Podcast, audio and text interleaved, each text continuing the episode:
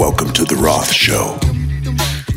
As you can tell from my glasses, summer's here, and you need something to keep you cool, baby. And I'm not talking about ice cream, I'm talking about California. When summer arrives, doesn't matter what country you're in, it doesn't matter what TV show you're watching, it doesn't matter what dialect of what language, of what vernacular, of what mountain tribe you belong to, you know exactly what I mean when I say California style. You want the glasses like this. You want the string, okay? You know exactly what kind of car we would use if we're talking about California style. If I say surf music, everybody knows exactly what I mean. You might not be able to say Dick Dale and the Deltones, especially if you're from Japan. A little bit of insensitive humor there. and if you've been having three shots of tequila, I'm going to take another shot at another continent. Shot at a con. Hey, use a pun, go to jail. But later, okay, try say Dick Dale and the Deltones after a double of Patron, okay, and roll your R's. Everybody knows surf music when you hear it. I can tell you endlessly what reverb is, but you won't know if you don't know until I play it for you and you go, oh yeah. And arguably, more people want to go to the beach than go to the Beatles. I've read a book that talks about you're either a Beatles or a Stones man. But that is kind of in the middle of the evolutionary cycle of being, all right? If you really look at it early in life, you are either a Beatles person or you are a Beach Boys person. This was at inception, and yes, I'm that old. And you had to decide because the Beach Boys, that was closer to Neidermeyer and the guys in that fraternity in Animal House. Remember Neidermeyer on the White Horse? And those were the socius. That's what we called them up at Muir High School, which was 95% black, Spanish speaking. Me and Cindy Yamazaki, who was always great at math. I say that as sensitively as possible because I fucked up. I should have married Cindy Yamazaki, so to speak. 2020 hindsight you were either a Soch or you were a quote rocker. And if you were a Beach Boys person, then you were more clean cut. You had collared shirts. You might have collared shirts that had long sleeves. You might play tennis. You might be part of a country club and you would go out back and learn to smoke your Marlboro cigarettes at the country club functions that your parents might throw, something like uh, the Flamingo Kid or something like that in the background. Country clubs were really big all over over the United States in the early 60s, 50s. They were a symbol of having to make it, having made it, rather. And in the middle class had started to make it. There were a lot of jobs, a lot of places to get jobs, and you would celebrate your position, your presence, and your power at a country club. The opposite of that would have been the beach guys. And I was going to say the beach bums, and I'm going to reflect on Herb Caen, who was the columnist, oddly enough, or ironically enough, at the San Francisco Chronicle, which at the time was experiencing the transition from the beats, and that's what they were called, not beatniks. Herb Caen attached the Nick like Sputnik, meaning you guys are subversive. You're anti American. In fact, you're Russian, pinko, commie, divisive, whatever. And you became a beatnik. Also, a little farther down the coast, you were surfniks. Beats, poets, all those fellas who were coming out of that transitional era, the Kerouac, Ginsberg, Burroughs, you know, uh, was turning into surf culture surf culture was a collection of all of that cerebral that had come before, but now you've got saltwater. Saltwater speaks its own language and perhaps is even more transcendental because it doesn't come with a certain haircut, doesn't come with a certain hat, pair of shoes. It doesn't have a religious bias. It doesn't come with a specific music, although some of the tribes who live by the saltwater have very specific music. Dick Dale and the Deltones and Surfari, the first drum beat that any of us ever learned, and we got kicked out of very many elementary schools for playing it on the table of the uh, desk was. Now, I'm a professional, don't try this at home. But that's uh, wipeout. And you go, and you would laugh hysterically and scream, wipe out, and fall off of your bicycle. The bicycles were designed to emulate the choppers and the motorcycles and the bike gangs and the folks who would drive up and down the strip and Pacific Coast Highway and all the Southern California beaches the Stingray, the Schwinn Stingray, I think 1968, maybe 70. And yeah, I could go back and research everything and pretend that I got everything perfect. But I'm going to try a Dr. Drew approach. It's more entertaining, I think, if nothing else, that I might have gotten things off by a few years and then labored under that specific illusion for how many decades.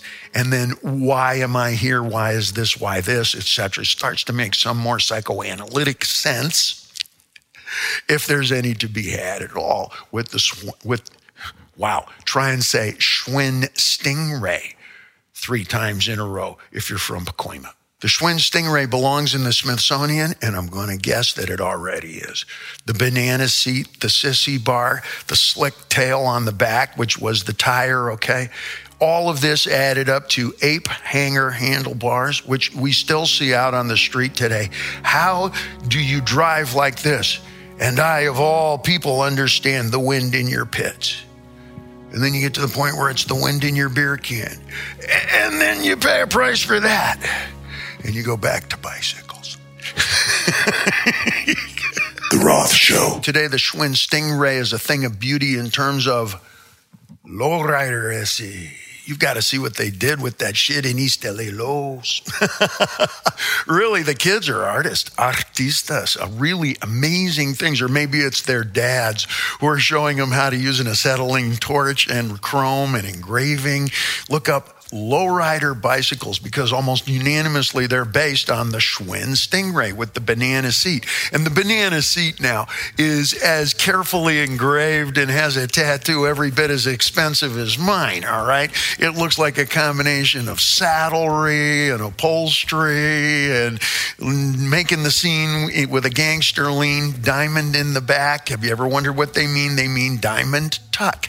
Instead of tuck and roll, which is straight lines like this, it's diamonds that are tucked into the upholstery. And you can get that on a Schwinn Stingray, but not on what you're trying to pay me, SE. California culture is more internacional than it ever was before. What could be more California than the lowrider culture? And when you talk about lowrider culture, you're not just talking about the cars anymore. Yeah, the lowered Impala is a thing of beauty forever. Vida, okay? But when you have a car show today, you're also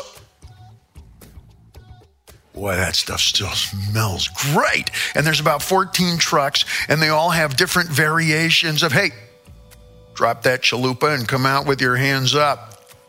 You're liable to hear that over at the Portisheads, huh? Or not. When you go to a car show in East LA these days, or anywhere of the thousands of cities that are in the United States, it's not just Southern California, but it's California car culture. And California car culture speaks Spanish as its first language. Okay. You either went to one of two cruises. One was the Van Nuys cruise, where we played in the 70s with Van Halen, and you had half of those cars being lowriders, or you went down Whittier Boulevard. Let's take a trip down Whittier Boulevard. That's the beginning of a very, very famous top 40 pop song from the 60s, all right? And that was eminent domain of if it was low and slow if it spoke Spanish or anything else that was listed as black Spanish speaking and other. Well, that meant if somebody black and Spanish speaking married somebody who wasn't black and Spanish speaking, all right?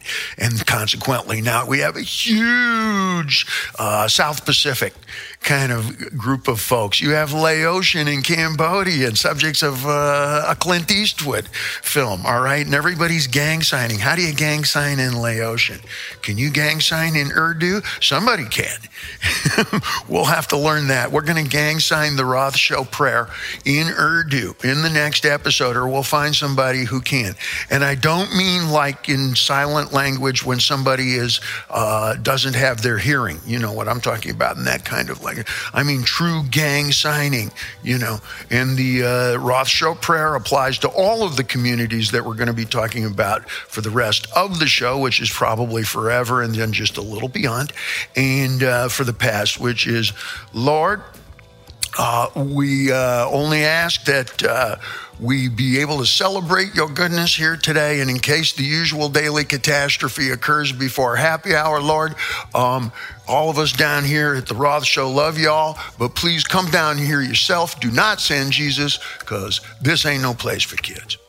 When you go to a lowrider car show these days, it includes food courts, it includes a dog show that is unique in and of itself. It's not AKC because over the years, the country club culture has learned that, whoa, pit bulls, uh, bull terriers, Rottweilers, they're called hood hounds. That's vernacular, at least on the East Coast. I say it with respect. I've always wanted a pit bull or a pit bull terrier just because they came with a sense of humor to me.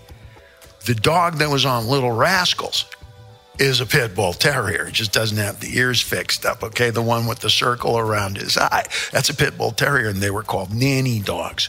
What kind of dog do you have, Tom? You I got have a dog. a, I have a, uh Siberian Husky. and what kind of personality do huskies have? Uh, they are escape artists. They are uh, very high energy, need a lot of exercise, and kind of it's a situation where it's their world and we're just living in it. It's like a stripper. So I think I can relate, even though I've never owned a stripper or a Siberian Husky. Could they ever truly be owned, Tom? And I think you just answered that on both levels, even though you don't want to because you're in a relationship. And I'm in a relationship with all of you, and I want to talk about some issues, baby. But first, we're going to soak ourselves in some salt water. A great magazine, Atomic Dog. Look that one up. Atomic Dog, dedicated to hoodhounds, a lot of bulls, bulldogs, uh, pit bulls, bull terriers, and even more fascinating are the folks and the families because it's all families. Yeah, you're going to think a gang sign and whatever, and that certainly goes with it, okay? The boys in the hood in Compton, certainly that's part of the culture, and it's part of what makes all of popular music, frankly, the entire left hand side of the Billboard chart entertaining these days. I taste hood in fucking everything. The entire world celebrating California summertime beach culture, saltwater mind. Everything about surfing kind of started here. Yeah, I know the genesis was actually Hawaii. Yes, it's South Pacific, but inarguably the single most important surf spot in the history of the entire art form and the sport. And if you know the entire history inside and out, you'd had to have been growing up inside and out of it myself, you would know. It's not San Onofre and Sunset. It is not Waimea. It is not Hanalei. It's not Jaws. It's on the corner of 8th and Pico in Santa Monica, California. And it's the Santa Monica Civic Auditorium where we're going to go watch surf movies tonight. If we can't get in that night to watch that flick, and it's going to be on one of those projectors where it has the mouse ears and there's a balcony, and this is the same place that years later you're going to go see Rush and Van Halen and Santana and all manner of rock bands, all right? But surf movies, who the fuck has time to go out in the water and really learn that stuff when you're trying to fight your way through junior high school, especially integrated junior high school? I got to learn everything on Soul Train by this fucking Saturday, man. It's the. Here's where you go into the thinker part. Jesus Christ, that's just the African American part of my current heritage. What about my girlfriend whose dad only speaks Spanish when he drinks and he's a blast to drink with? But I don't fucking understand. So now I gotta learn Spanish. When am I gonna get in the water? I don't live anywhere near the salt water, even though I'm Southern California. So I'm respondent to the climate, I'm respondent to the colors and the light and tiki culture, which is absolutely part of beach culture and summertime and so forth. So you know what? Fuck it. I'm not getting up at dawn. I'm not going in the water. And in a few more years, there's going to be a movie about sharks. Just fucking believe me. And then there's going to be a whole week about sharks on something called Discovery. Discovery is what your brother attempted to do with LSD at whatever fucking rock show that was. And you know how long it took him to come down, okay? We're just going to go watch it in the movies. In movies, you can watch again and again and again. From what it looks like wiping out on a surfboard it looks like that's going to hurt tomorrow.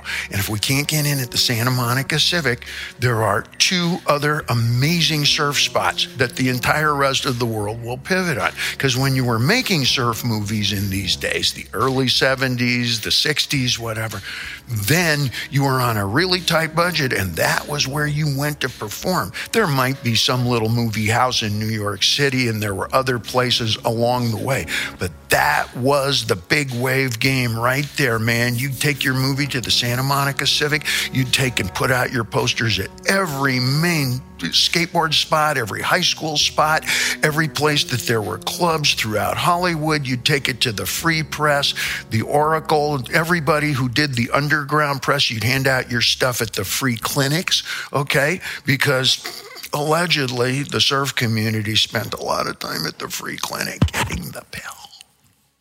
You had to hide that shit back then. In some states today, you still have to hide that stuff. Second temple to worship at was the Bijou Theater. That later became a club, but that was where you found surf movies. And then a little bit more south were all the high schools Redondo Beach High, Hermosa High.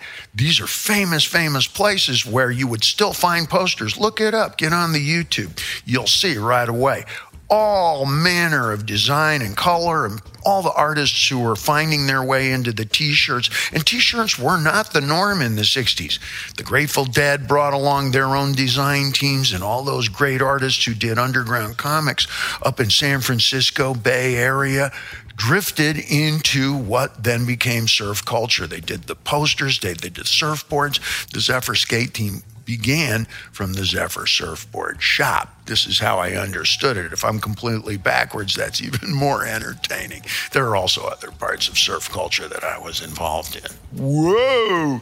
A little bit allegedly. One of the best parts of surfing is the sitting around and waiting. It makes me perfect for being a musician. We wait for the tape to rewind. We wait for the bus to show up. We wait for the plane to land. A lot of surfing is waiting, looking at the waves and going, not yet. It's one of the first things I learned.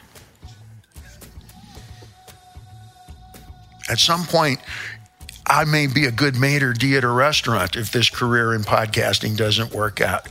Uh, party for four? How'd you like that? It's very bohemian. I'm working in an outdoor place next to the beach. Roth, The Roth Show. You're listening to David Lee Roth, The Roth Show. Jesus, is that on? You caught us. Service guys and gals coming back from Hawaii and all of the South Pacific area, the South Pacific Tour, the Pacific Fleet. There's a whole tour that goes all the way through all of the islands, and everybody coming back from Korea, and even more importantly, in Vietnam, we're bringing back all manner of tropical culture. Tiki culture arrived at our shores starting at the end of World War II because how many guys are based South Pacific style? You've seen the play South Pacific coming out of Hawaii and all of that area. Fellas bringing back souvenirs and things, everything from the Hawaiian luau shirt, the word luau, the idea of having a luau how many families had luau's here in the Pasadena area where the wives had stacked up 1950s style hair and it looked like an ad for 1950s Formica kinds of furniture, but on the beachcomber. This kind of a thinking was real popular. It made you feel tropical. Putting a tropical flower or a piece of fruit into your drink or something like that, it gave you a tropical feeling just briefly for a second, like sitting down at a Hawaiian slot machine. I don't know why, but for a second, I feel tropical. Do you participate in current tiki culture at all today, Tom? It's relevant and really prevalent downtown, and you live right in the heart of everything that's happening right now and even tomorrow. Talk to me. Uh, there's a couple of bars. There's a couple that are, are like tiki style bars that I do enjoy, and there's also a cocktail called a painkiller that is a famous sort of beach, you know, served in some sort of a tiki statue with a lot of fruit on top and a, and a umbrella. What kind of, all right, what kind of music do they play? Is it tiki oriented, tropical oriented surf style? Or is there a contrasting sort of Silver Lake, we're hip, like jazz? So the, yes, in the in the Silver Lake bars, yes, it's very contrasting. There's not any sort of surf music being played. It's whatever kind of hip, you know, vest, mustache only wearing uh, music is happening at the time. That's what they're playing in those places. It makes sense to try and contrast sometimes unexpectedly, if you play jazz with tiki culture, it may reveal an unexpected element of tiki culture that you hadn't been thinking about. Like maybe tiki culture is smart. If you look at the paintings of Edward Leeteg, you can look him up later. He's the fellow who really kind of thought up putting painting on black velvet because it seems to glow like at night. And most of his paintings were South Pacific culture. He was around Tahiti. I think it was turn of the century. I may be mistaken. When you say velvet paintings, ah, we think uh, Tijuana. We think Elvis. We think Okay, but the original stuff is gorgeous. You can buy books of Edward Leeteg, L A L E Y T A G, and uh, he went and lived in the South Pacific, and his material seems to glow. I guess my thinking is that tiki culture, South Pacific culture is everywhere. He's in the NFL now. You can tell from the haircuts coming out the back. Oh, that guy's from Fiji. It's got to be from Samoa. If I don't see a haircut, I can see from the tribal tattoos. Clearly, he's from Samoa. and you, it's an identity worn proudly. Got huge communities of South Pacific island culture, island community, inarguably some of the best uh, rugby, soccer players ever, soccer football players ever, are from nowheres near the United Kingdom. But cricket as well.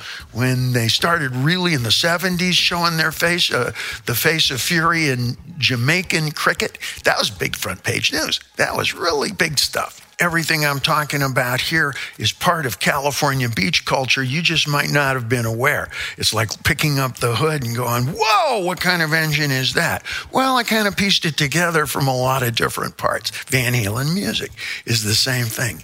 It's an amalgam, which I always thought was spelled backwards on purpose, but I never bothered to check. Yo, Banana Boy is actually spelled the same way backwards. Don't bother to check. Yo, Banana Boy, pay attention. The Roth Show. Snoop Doggy, Dr. Dre, you might not think of them as components of California summertime culture, but absolutely they're right up there near the front bumper.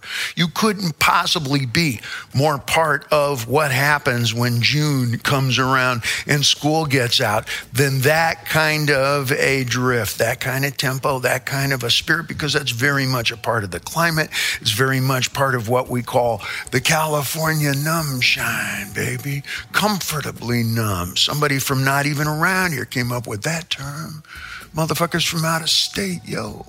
And before, if you're East Coast or somewhere where it gets cold and it's inclement or something like that, then, and I'm going to do this with respect, but because of certain genetic incapacities, I'm not going to do it well. When it's cold outside, you can dance, motherfucker. You can do this shit loud like this. But if you're in a convertible and you're in California traffic jam and you have that sun coming down, your dancing after a few hours in those conditions is going to be a little bit more like this. Mm-hmm. Mm-hmm. Uh-oh. Green light. Yeah. Now I look a little more like Snoopy, don't I? Shine what? That sounds more like Cameo. But you know my good intentions, dog. Green light. The Roth Show. Lots of room in LA. Lots of space. Used to be a lot, lot more space too. That's why they put Hollywood out there. That was just bean fields for 50 bucks an acre. Lots of place to drive your car, a lot of space to build your car. You can get yourself a little house, can be made out of wood, stucco. Oh, how you can get stucco. A little bit of Groucho. Marx Brothers made their home here. That's East Coast humor with ah, a little bit of ease, making the scene with a gangster lean. In fact, ah, I forgot what I was even going to fucking say and nobody even noticed. Green light. I don't know if there is such a thing as jokes anymore. It's just truth dipped in sugar. And some of the sweetest truth that I can probably tell you is that in LA, you will go through a phase in your junior high or high school career where you'll realize that the car is not really a mode of transportation. It's a way of getting your girlfriend and your stereo around. And you're probably going to have that stereo way longer in that career than the girlfriend. depending on your job.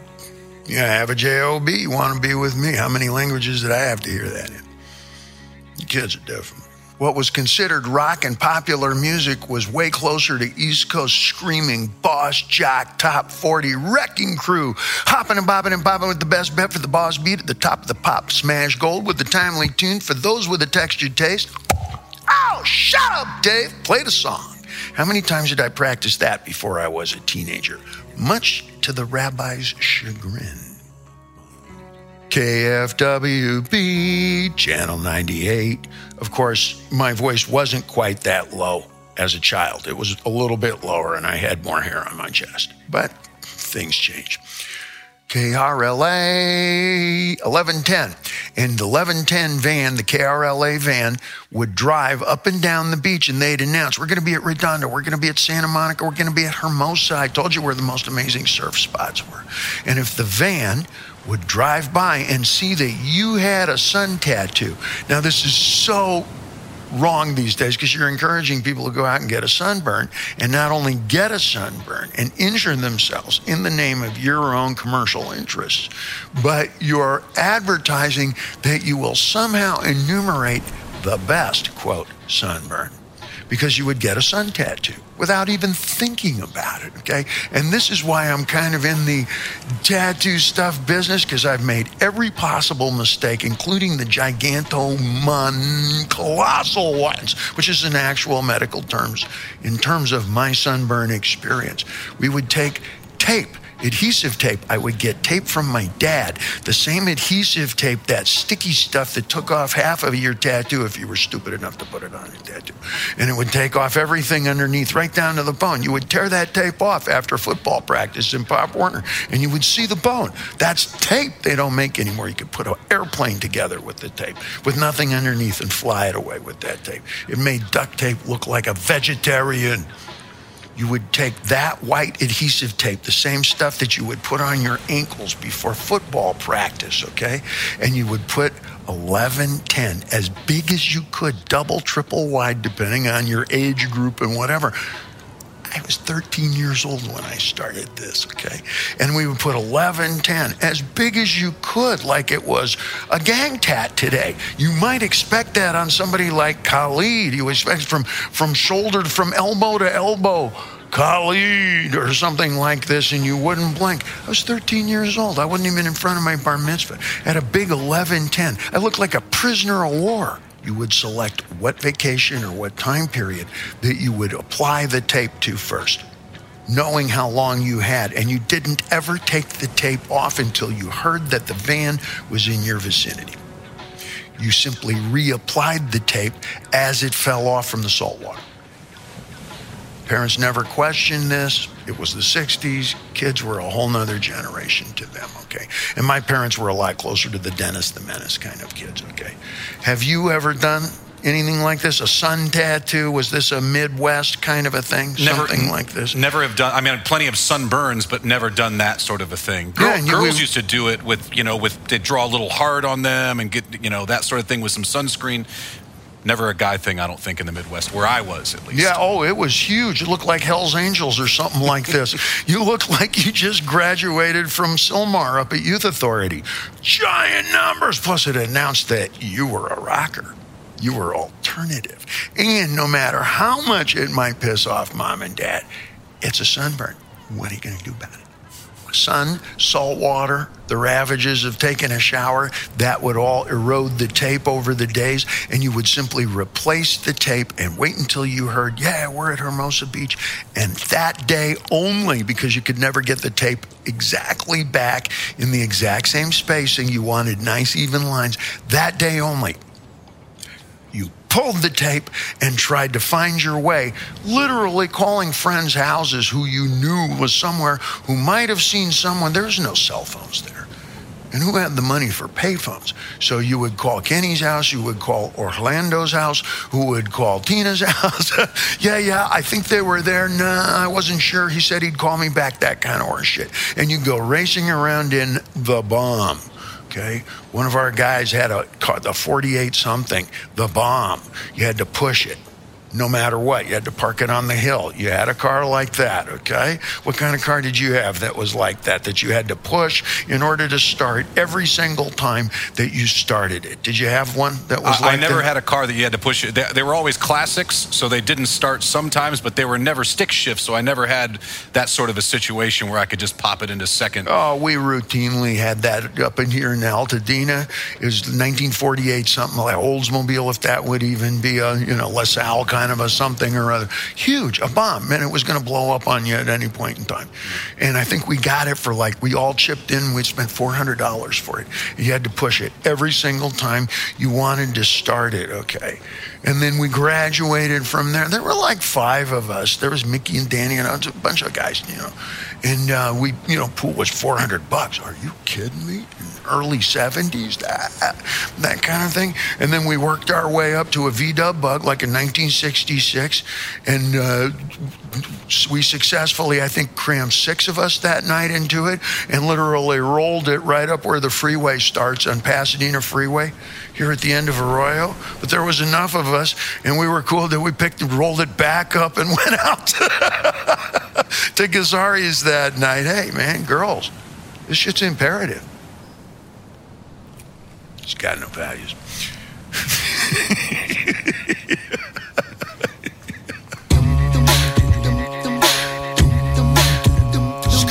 So you're wondering, what are you gonna do?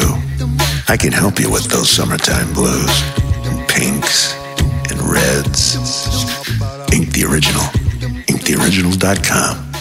California summertime beach culture, pot culture, rock and roll culture, it all kind of runs together right around June 15th when you get out of school. In fact, most of us, and I'm getting on a little bit in time of my uh, birthdays here. Jesus, this wristwatch is about 15 years too fast. I'm going to kill the guy who sold this to me.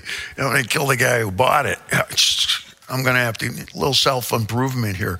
But uh, California summertime beach culture, rock and roll, it's a composite of a lot of different things. It's making sure you don't wear a belt to show that you don't care about your pants falling down. But you care enough to get the best boxers. And the best boxers are very wabi-sabi. You want them to look like state issue, or they came from the gym, or maybe you are a Patagonia guy. You know, these little tiny details mean a lot to the opposite sex. Today, it could mean binary, non binary. To some of us, that looks a little painful. Please continue. I'll even provide uh, aperitifs and music, but uh, that looks like your tertiary is going to hurt, so I'm not tertiary. And that means don't touch me ever again. no, you guys go ahead. That old military hand me down thing of wearing your military stuff in the street, yeah, it became hippie. It was Southern California. The weather is just better. It's way better. If you were going to be homeless, where would you rather be homeless? And don't tell me Miami, because then I know you haven't been there in the summertime. Here, things are much more supportive. So if you're going to wear that one uniform for five climates and three years, which is still kind of a Marine Corps adage, then Southern California makes the best sense. Once you get out of the military, you're going to be able to wear the same fatigue pants, the same camouflage shirt. And we started seeing that.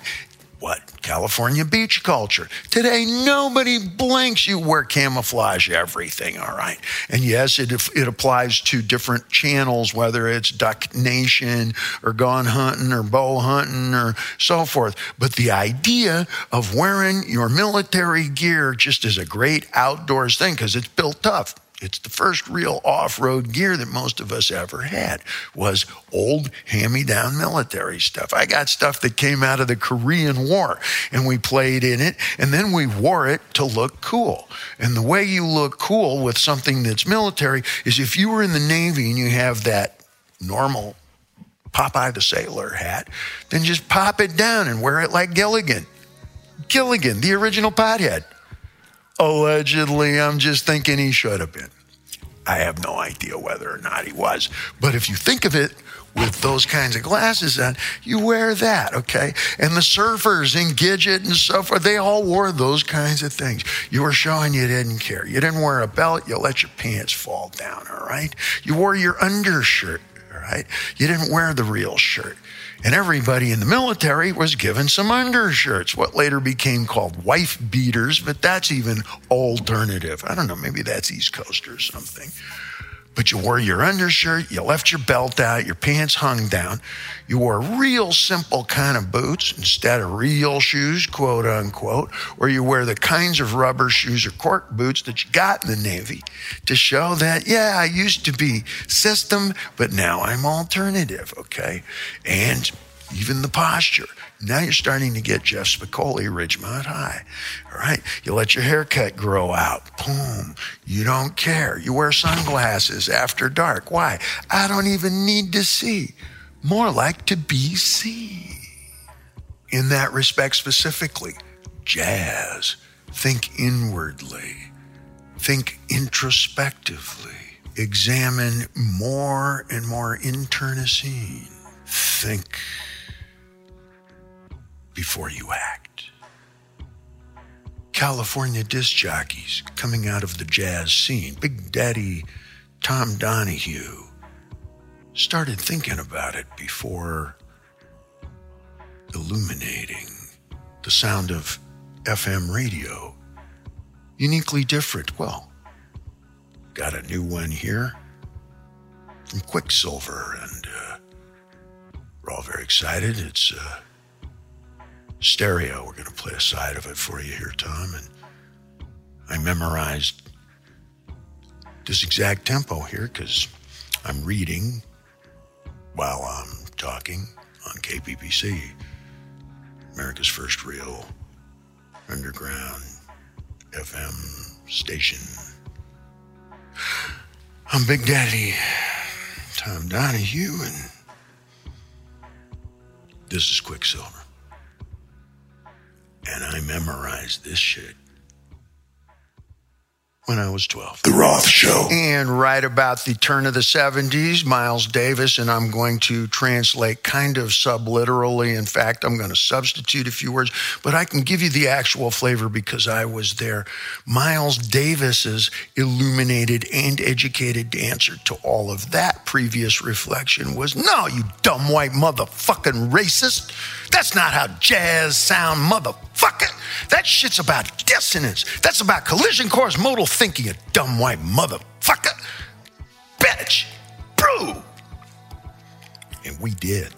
Sitting on the dock of the bay, and all of the soul power that went into that was responsive to a real mix kind of Oakland, sort of San Francisco sound. And the Grateful Dead were right up the street at whatever address. We even knew the address of the house that the Grateful Dead all lived in. They lived in one of those old gabled Victorian spaces where you had a whole commune system. The guys who knew how to fix motorcycles, you could take your motorbike over to that house and they'd fix it. And then in turn, your old lady would do their laundry.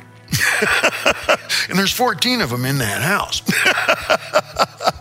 and you would be able to buy your uh, produce from the people who would drive in from Marin, and they would, and whole barter system that would work like that, all right? The pot guys, okay, well, they got, only got their laundry done, and they rode the, the best tuned motorbikes, but they got in free at the Rock Club, which was actually St. Sava Hall, because the guy who also worked the door was my brother, the janitor. so, so, so, so. All right. And it said, this is how it worked in the Bay. And the music reflected that. Grateful Dead was a band that traded their services of making music for okay, food, drink, take care of us here. We'll travel up to where you are. We'll play at your event, but you pay for travel, gas, food, and there's 27 of us. No, no, three of us are married carpentry, plumbing, technical, telephone. And when I mean technical expertise in the telephone sciences in the 1960s is, was a matter of I can't afford a telephone. Tom, you just got out of the military and you're a technical telephone expert. Can you hook us up for free? There's 27 of us. Three of us are married, and those three, we're kind of responsible for the rent. We have jobs. I'm sorry? Again, two of us have jobs. The music of San Francisco reflects this time, tempo, and temperament perfectly. It's a world of improvisation. Jazz, Grateful Dead, the constant bound around that was the blues. There's a mix of beat, Santana comes in with something that predicted the future perhaps as much as Black Sabbath, and neither of us saw that coming. You knew that Santana was a killer, killer set at Woodstock, but look how much of the world speaks Spanish now, first language style, whether you're from out of state or not. There's, there's Hasidic kids walking around out there who are way more familiar with Pitbull and Ariana Grande than they are with yours truly khakis came out of the military when you graduate. You kept a lot of pieces of your uniform, so you showed that you was in the military, or in fact, you just couldn't afford anything else, especially on GI old time pay. How many guys coming out of the military spoke Spanish? How many guys coming out of the military? You work with your hands, then you know all of those skills, and Consequently, south of the Harbor Freeway, East LA, and all of that Southern California vibe, wearing your khakis up to here. Now, not military style, which is trim, pulled in, buff, still is today. We'll call that command posture. Boom, that's command posture. That's who you want at the gate of freedom worth dying for. Okay? But when our shift is over, fucking hey, I see. like this, then what you'll do to show that that may not be you any longer and you've gone through a transition is you get your khakis six times too big. All right. And you only gather them at the top, not with a military web belt, which is by regulation one and a quarter inches or whatever it is you get a thin little something, like a little snake kind of thing that would totally piss off any gunnery sergeant alive. And that's the whole point. You're making a cultural statement, all right? And you don't leave them kind of relaxed because in military, you don't overstarch your stuff, whatever. At least in that routine, you know, I don't think the Favres could take it. But if you take one whole can of spray starch and you know how to do this, and you can see the tutorials on the internet, all right? And you empty one whole side, one whole half a can for one whole side, and you can literally get the leg to stand up on a pair of khakis. And you put cuffs in the bottom, which you're never allowed to do military style. And you put a razor crease Check it out on the YouTube. What I'm telling you, you're the new. you should have knew. Is uh, and then you've taken pants that are classic today, gathered at the top, four to six sizes too big, depending on your size. Okay, and this goes for the women as well. All right, and you get a real razor crease there that's just like board stiff. And that's how you make some formal wear out of something that is actually for crawling around on a jungle or a desert floor in multiple climates, all right? Great fashion usually starts at the very beginning of things, all right? The Roth Show. When you come out of the military, it's a life of having to tuck your tails in, be spiffed, hit every button except the very top, unless you're wearing a necktie. Neckties are usually compulsory. This is a life of structure and rigidity, as it should be. Again, command posture is a little bit more like this, as it should be and has been for centuries. But when it's Miller time, you're going to relax. And the way you would do it SA style is you unbutton everything, make sure that shirt's four times too big, okay, and pull the tails out, leave the tails out, or if you really want to be cool, just leave one tail inside your pants like you really don't fucking care or notice, okay? And if you drove a Schwinn Stingray here, then you know, and I can tell if you're bullshitting me, white boy, because if you really, really did pass a certain age, that would be rolled up. And you would keep it rolled up so I would know. And you only button the very top. Of a fatigue shirt, right? Just the very top. You know this look, right? It's just, it's this, but everything else opens out under this so you can see the undershirt, all right? It's all antagonistic. And the bandana, which of course belongs in the back pocket, goes right up here. and you wear it down here so you can't see your eyes. And mystery is the absence of information. This motherfucker's hiding something. Hey, you think so, SA? what was your third clue? Gang signing. It's a secret language. I don't know what he means. You have no idea, SA. Hey, he means you're number one. This is all part of California surf beach summertime culture. It's summertime's here, baby. You need something to keep you cool. California surf culture is a really interesting compilation of unique ingredients you would not expect at all.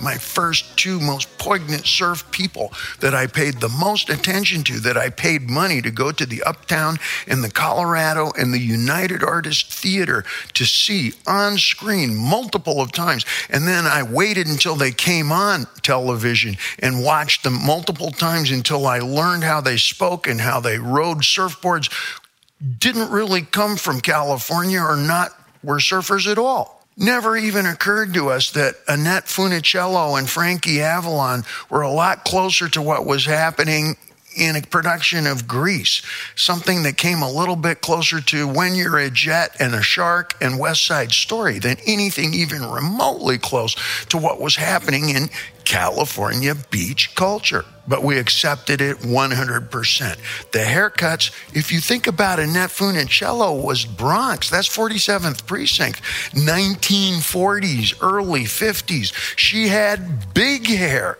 And I don't mean like California rock and roll big hair. I mean like the Broadway play Hairspray big hair. I mean like giant 1960s big how could you possibly go swimming in that? That would be like asking uh, Cardi B to go swimming in her weave. That's almost religious heresy. Frankie Avalon looked like something from Goodfellas. He spoke like Goodfellas. In fact, the bad guys, I don't remember exactly what the name of the bike gang was, but they wore black jackets and they wore old kind of navy caps and so forth. They were called the Rats. And the main guy, kind of a Buddy Hackett kind of guy, he talked like this. I remember because I would practice talking like that when my parents weren't looking. I actually wanted to be a bad guy who was uh, terrorizing the surfers, but actually wind up with a surf girl. I had an elaborate plan. Tom. It was uh, elaborate for my age group. This is what the doctor told me. Like, you know, last week. That beach blanket bingo and all of the music and all of the styling that came out of that bred music like the Monkees. And the Monkees were huge. They were way bigger than the Beatles for the three years that they were, quote, big. And their music was written by Neil Diamond. I'm a believer. I wouldn't leave her if I tried. Yeah, well, that's a Jewish kid from the East Coast. And then you had Tommy Boyce and Bobby Hart. Those were professional songwriters, but they wrote in a brill building kind of sense, Tin Pan Alley kind of sense, where you'd have nine different pianos in nine different cubicles banging away. And one of them is Carole King, and the other is, you know, and blah, blah, blah, the very famous names and stuff. But like three and a half minutes of let's go. And huge amounts of that kind of music took place, pop music. Uh, the Wrecking Crew, look it up on the YouTube. Great documentary on the musicians, and I don't even want to call them backing musicians. They're a very real band and a group of collective of unique professional personalities that were every bit as much contributors, if not more so than Motown. We talk about the Motown band, and I heard some hip hop kid on a documentary uh, think out loud, and I couldn't agree with him more. Where he said, "You know what? I'm not going to detract from Marvin Gaye or Martha Reeves and the Vandellas to any degree." He said, "But the Motown band and all the musicians and the singers who are really, really part of that act, you could pretty much put anybody in front of them and they'd shine."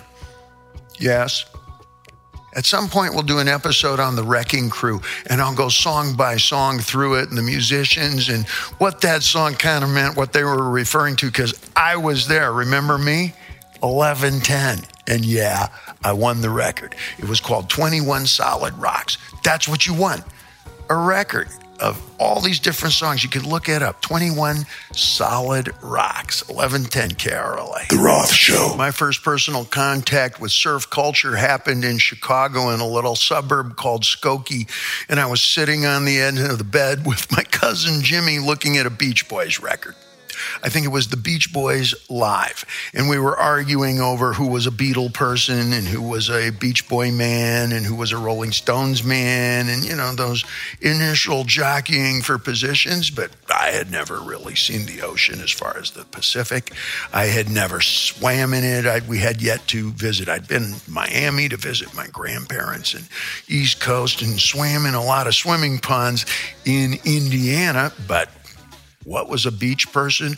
What was a beach boy? Our vision of what it was, eh, most of it was accurate. Most of it wasn't. We'll get into that in a second. Tom, you came from Midwest, kind of where if you fold the map in half, the line runs through somewhere in your past, right? Okay what was your vision growing up? And tell me what year might this be as you as a teenage kid, early teenage kid? What were you listening to, and what was your vision of what California was before you actually saw it? You had something in your head, right? Yeah. When I when I was living in Ohio, uh, I had I had family that lived in San Diego, and I knew just from talking to my cousins that they didn't have a regular summer break like I did. In, in the Midwest, we had three months off in the summertime.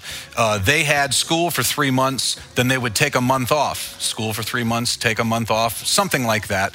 And to me, that put in my head that California was uh, just constant great weather, constant summertime, constant going to the beach. Well, now you know that that's not the case. Exactly. The California weather is like detective weather in the summer where it's all foggy and mysterious, and you go, There's a thousand stories in this town. Mine's one of them.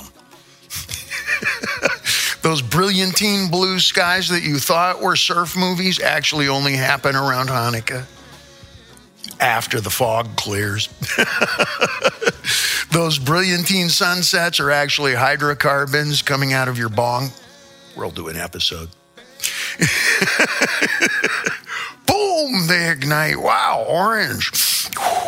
Orange what? This stuff? No, no. But there is one constant, and you probably know it. There is one constant part of California beach culture, and that is the Santa Monica corn dog stand. You're nodding. Okay. And yeah, we're going to get Tom a camera. We've been threatening you. I mean, wait till you see him. I've been holding off for you guys. This is not a personal thing. I'm not selfish, but uh, it's early in the morning. You asked for it. we'll get you a camera here.